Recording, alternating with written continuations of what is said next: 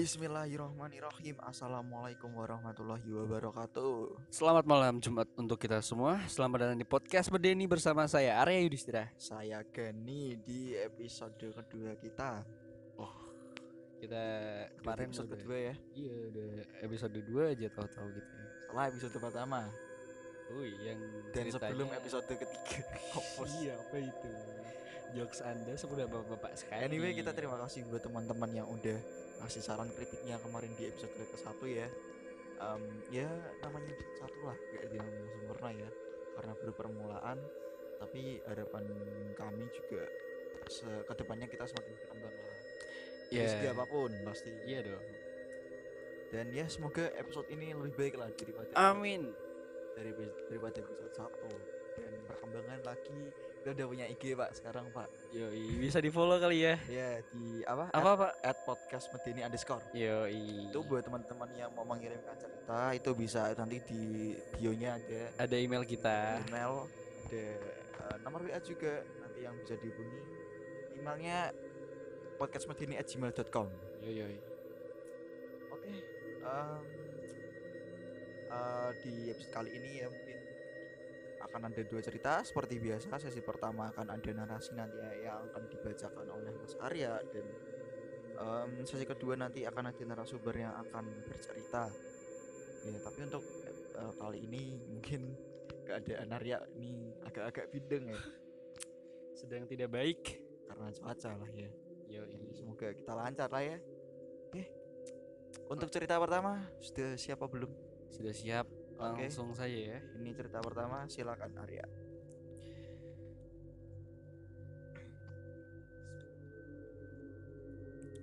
Assalamualaikum warahmatullahi wabarakatuh. Waalaikumsalam. Perkenalkan nama saya Irfan. Saya mau menceritakan sebuah kisah yang terjadi di dekat rumah saya. Ini bukan pengalaman pribadi saya. Tapi cerita ini sudah terjadi beberapa tahun lalu dan menjadi rahasia umum di daerah saya. Jadi daerah dekat rumah saya terdapat sebuah bangunan rumah kosong yang sudah lama tidak ditempati. Saya lupa kapan terakhir kali rumah itu ditempati. Tapi seingat saya, sejak saya kecil, rumah itu memang sudah kosong. Tidak berpenghuni sama sekali.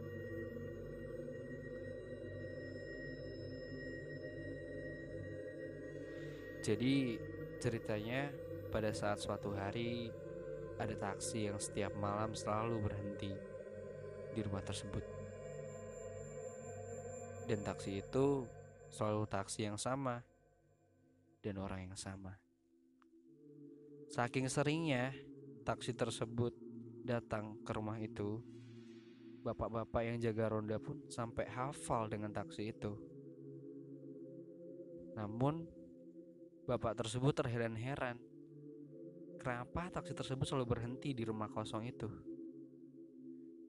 Padahal Rumah tersebut adalah rumah, yang tidak berpenghuni Benar-benar kosong Hingga akhirnya pada suatu malam Pada saat taksi itu berhenti di depan rumah itu Lagi-lagi Bapak tersebut menghampiri taksi dan bertanya pada supir taksi.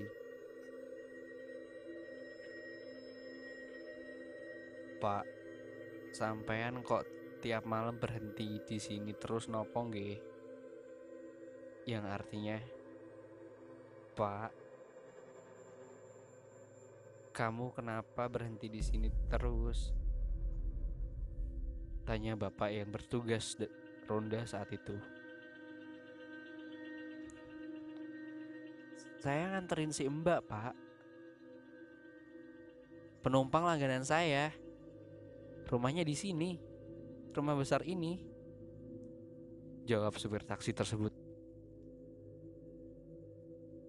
Bapak yang jaga ronda itu pun terheran-heran. Kemudian ia bertanya lagi untuk memastikan di rumah ini, Mas. Rumah yang besar ini. Iya pak Jawab supir taksi tersebut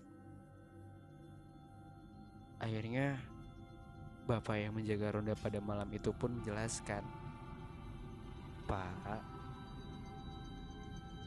Rumah ini rumah kosong Sudah lama tidak ada yang menempati Lalu mbak-mbak yang bapak antar ke sini tiap malam siapa? Tanyanya dengan heran Supir taksi pun heran karena dia yakin bahwa penumpang lang langganan dia adalah benar-benar seorang manusia, ya selayaknya penumpang biasa. Singkat cerita, supir taksi itu pun mengambil uang yang dibayarkan oleh penumpangnya tersebut untuk menunjukkan kepada bapak yang sedang ronda bahwa penumpang yang dia angkut itu adalah orang asli, benar-benar manusia. Namun kejadian anehnya setelah ditunjukkan supir taksi itu ternyata uangnya berubah menjadi daun. Sudah bukan uang lagi. Lalu pertanyaannya adalah siapa perempuan yang diantar oleh supir taksi tersebut? Siapa? Sekian cerita dari saya. Mohon maaf kalau masih banyak kekurangan dalam penulisan. Sukses selalu. Wassalamualaikum warahmatullahi wabarakatuh. Waalaikumsalam warahmatullahi wabarakatuh buat Mas Irfan ya. Yoi, Mas Irfan. Ini Ah, gimana ya? kalau dari aku ya nyampe sih, Kayak kebayang nggak? Ti? Kebayang banget situasinya. nyampe sih karena salah satu genre cerita yang tak suka juga sih. Model kayak gitu. Jadi kayak oh, Iya, nggak ada. Mungkin tidak ada penampakan, menjelas Iya. seram, tapi dengan alur cerita aja udah creepy gitu. Iya. Bapaknya gimana ya bisa tahu kalau Iya. Apa langganan ya katanya. langganan apa setelah itu masih di Iya, calling lagi Iya, untuk iya, makanya. menjemput? Terus yang kemarin-kemarin uangnya juga gimana? ya sisanya nggak dijelasin sih. Kayak Iya, jadi tanda, iya. jadi tanda tanya aja buat buat kita buat cerita ini. Tuh. Ya komentar lagi mungkin dari sang pembaca lah kan Mas Arya. Kalau aku sih, aku tuh selalu kalau baca selalu berhenti di sekian detik karena aku selalu bayangin situasi yang aku baca. Kayak misalkan tadi di rumah kosong, aku ngebayangin rumah yang gede banget. Sudah tidak terawat. Ya selayaknya rumah kosong gak sih? Iya, Ya, tapi umumnya lah. iya sih. Tapi kenapa si bapak itu kayak tidak melihat rumah itu sebagai rumah kosong? Seperti ada kehidupan lain. Nah itu itu ya kan kita nggak tahu ya sudut pandang orang yang, Orang ya, yang- bapak taksinya iya, itu gimana ya mungkin mungkin orang awam lihatnya itu rumah kosong tapi mungkin eh, ada ya itulah kita nggak pernah tahu ya yang ya kita ya kita eh, percayalah ada kehidupan lain ya selain Selain kita dan punya. Ya menghargai lah ya emang kita harus saling menghargai sesama makhluk ciptaan sesama makhluk hidup sih untuk nilai lah rate untuk cerita kali ini Ya, 1 sampai 8 lah. 8 kemarin 1 sampai 100 gak sih Enggak. Eh, Kemarin. 1 sampai 10, Bro. kemarin 1 sampai iya s- 10 100 10 ya 10, 1, Delapan. sampai 10 8. aku sih berani ngasih ke 9 sih jujur Aku ngasih 9 kalau udah ada gangguan fisik kayak kemarin si Mas Aziz itu. iya tapi ini ya karena aku seneng ceritanya kayak Iya, gini iya. jadi kayak oke lah menurutku ini cerita dapat 9 sih terima kasih buat Mas Irfan tadi ya buat ceritanya dan eh, sesi satu udah kita lewati ya buat narasi dan selanjutnya kita akan masuk ke sesi kedua di mana di sesi kedua ini eh, ada yang mau cerita narasumber kita yaitu Mas Mario yang akan menceritakan pengalamannya waktu pulang dari eh, Ngawi Jawa Timur. Seperti apa, seperti apa ceritanya? Oke, kita tunggu ya untuk kita tersambung telepon oleh Mas Mario. Oke, kita sebentar lagi tersambung dengan narasumber kita, Mas Mario ya. Silakan Mas Arya coba disambungkan terlebih dahulu.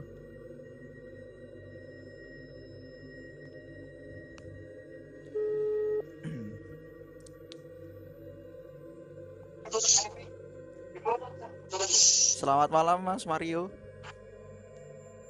Yo, selamat malam Mas. Eh, posisi lagi di mana nih Mas? Alhamdulillah lagi nongkrong santai di rumah. Oke, sehat ya Mas Mario kabarnya?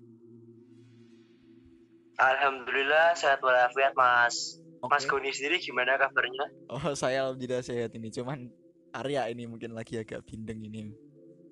Oh, Iya, semoga sehat-sehat selalu ya Mas. Amin. Oke, Amin. Mas Mario, langsung aja ke cerita mungkin. Eh ya, mungkin bisa dimulai dari ketika saya ingin berkunjung ke rumah tante saya ya Mas. Ya, mungkin itu sekedar informasi saja. Rumah tante saya terletak di terletak di dusun Ngerambi, Kabupaten Ngawi, Jawa Timur. Dan di daerah sana itu ya mungkin bisa dibilang akses jalannya itu ya agak kurang memadai ya Mas. Untuk perjalanan awal dari Semarang ke Ngawi, saya dan saudara saya kebetulan saya berangkat bersama adik sepupu saya satu orang melewati jalan tol Semarang Ngawi ya. Alhamdulillah untuk perjalanan berangkat sama sekali tidak mengalami kendala apa pun selama sampai tujuan. Lalu untuk perjalanan pulang kami memilih melewati jalan alternatif via kaki Gunung Lawu. Rute ini melewati Kota Magetan, lalu memasuki kompleks wisata Telaga Sarangan, dan akhirnya akan sampai di daerah Tawangmangu.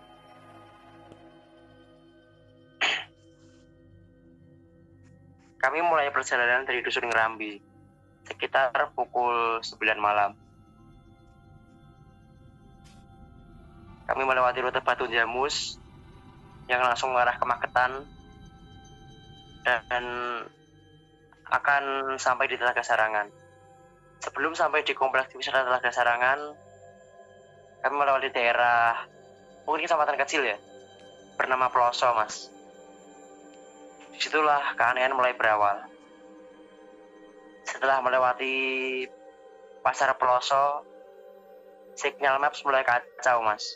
Di situ sinyal maps mulai sinyal internet ya, maaf. Sinyal internet mulai kacau dan aplikasi maps tidak bisa berjalan dengan semestinya.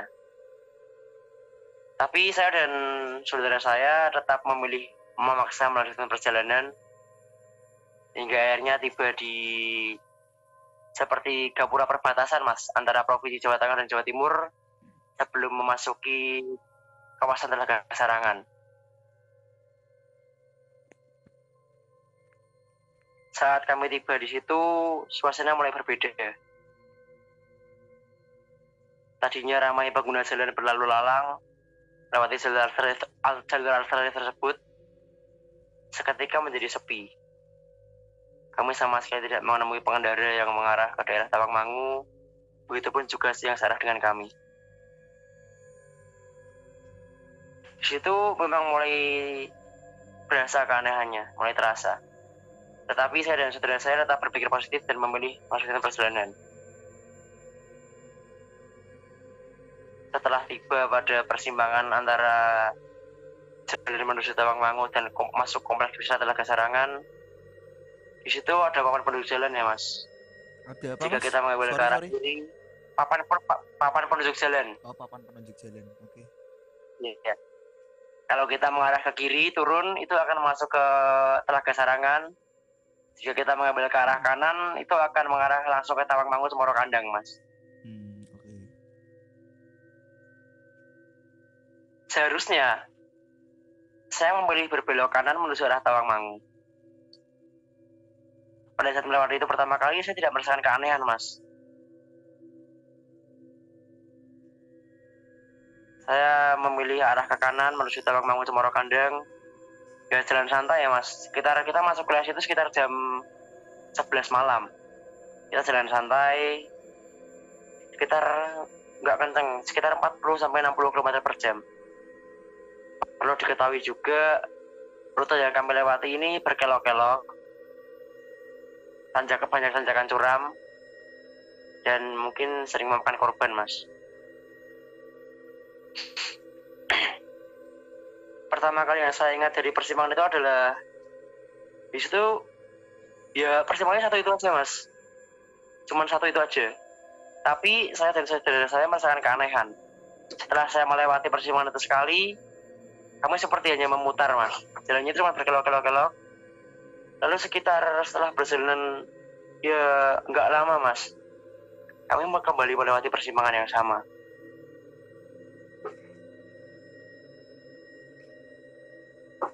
dan kejadian itu tidak hanya terjadi sekali mas. Kami melewati persimpangan yang sama sekitar tiga kali. Wow. Ya saya tidak tahu mas. Ya mungkin kebetulan. Tapi setahu saya untuk persimpangan seperti itu hanya ada satu mas. Di daerah rute yang kami lewati.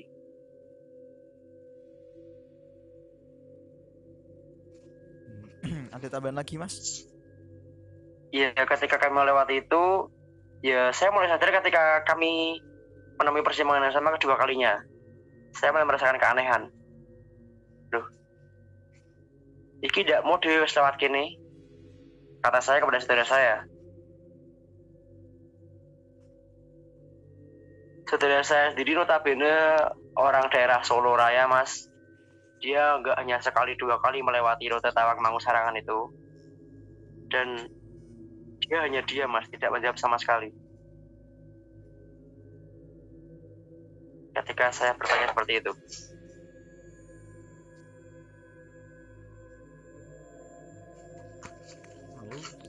Lalu pas- setelah saya bertanya dan dia hanya diam tanpa menjawab saya tetap meneruskan perjalanan tanpa berpikir apa-apa. Mungkin saya lelah atau saya ngantuk hanya berpikir seperti itu. Kini meneruskan perjalanan lalu pada saat kami melewati persimpangan yang sama pada ketiga kalinya saya langsung terperanjat kaget. Dan saya langsung ya baca-baca sebisanya mas. Semua al-fatihah doa makan doa minum saya baca.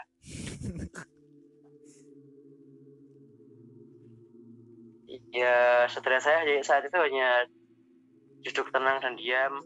Ngomong wis melaku Bismillah mengkotakan dan Alhamdulillah mas. Setelah itu kami langsung masuk ke daerah perbatasan Cemoro Kandang udah masuk wilayah Tawangmangu itu. Udah mulai banyak warung dan banyak pengendara yang melintas. Wow. Jadi total kami berputar-putar itu ada sekitar satu setengah jam saya ingat setelah saya melintasi pasar Peloso sekitar pukul 11 malam dan ketika kami tiba di Cemoro Kandang sekitar hampir jam satu malam.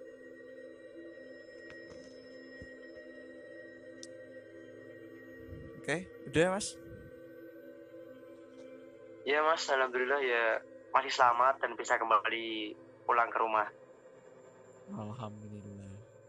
Satu setengah jam ya mas berarti ya mas Iya. Ta- tapi saya sudah tanya ke rekan-rekan saya, kebetulan saya juga pengemudi mas, lintas provinsi, lintas kota. Dijelaskan bahwa jika sudah melintasi pasar Peloso, jika ingin ke Cemoro Kandang hanya memerlukan waktu sekitar paling lama nggak sampai satu jam mas, sekitar 45 menitan. 45 menit berarti dua kali lipatnya ya mas ya Iya, sekitar dua kali lipatnya. wow dan itu tadi mas Mario bilang sinyal GPS map gitu hilang juga ya mas ya Iya, setelah kita melintasi pasar Peloso, sinyal mulai hilang dan di GPS tidak bisa digunakan sama sekali. oh berarti wow tapi selama itu kan Mas Mario bilangnya nggak ketemu orang kan ya Mas berarti nggak ada Iya. Wah itu sama berarti sekali hampir tidak ketemu pengendara lain. Tapi alhamdulillahnya nggak nggak ini ya mas? Nggak diperlihatkan atau apa gitu ya? Alhamdulillah nggak ada apa-apa mas. Kita nggak diperhatiin apa pun. Ya cuma diputer-puterin aja gitu. Wow ya salah satu. Atau mungkin saya orangnya nggak perasa juga saya kurang tahu mas. Soalnya saudara saya itu saya tanya nggak mau jawab. Hmm, tapi setelah melewati itu saudaranya Mas Mario merasain yang hal yang sama nggak sih Mas? hal yang sama bagaimana mas Ya itu kayak merasa oh ya kita ternyata berputar gitu. nggak sesuai estimasi. oh iya dia merasakan mas dia juga bilang wong dia bilang saya saya lengku nek saka sarangan wis jebuk kanan kuwi les delok wis tekan cemoro kandang Wow. dia bilang seperti itu mas Ah, seru ya ya. ya. Sering terjadi di ket- ketinggian sih sebenarnya cerita-cerita seperti itu. Eh, mungkin Iya, Mas Mario ada tidak hanya lagi? itu mas sebetulnya mas. Ya pesan saya mungkin bagi rekan-rekan yang mengemudi pada malam hari diusahakan jangan sendiri, jangan lupa berdoa. Ya bagaimanapun entah kita yakin atau tidak, ya pasti banyak pas makhluk yang hidup berdamping dengan kita. Oke.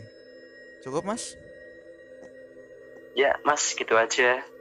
Ya mohon maaf jika ada kes- kesalahan kata, kekurangan atau apa pun itu. Saya mohon maaf. Siap, siap.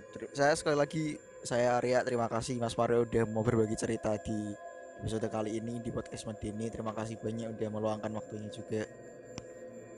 Ya, sehat-sehat. Iya, buat iya, Mas Koni. Alhamdulillah ya. Terima kasih Mas Amin. Ya, oke Mas, terima kasih. Assalamualaikum. Waalaikumsalam. Oke, cerita Mas Mario ya. Oh gila seru banget bro tadi bro. Itu kalau ini sih ya kalau kalau Jawa kalau di Jawa itu namanya di ini puterin, diputerin. Apa sih? Diuterke. Diuterke lah nek nek oh, kayak gitu.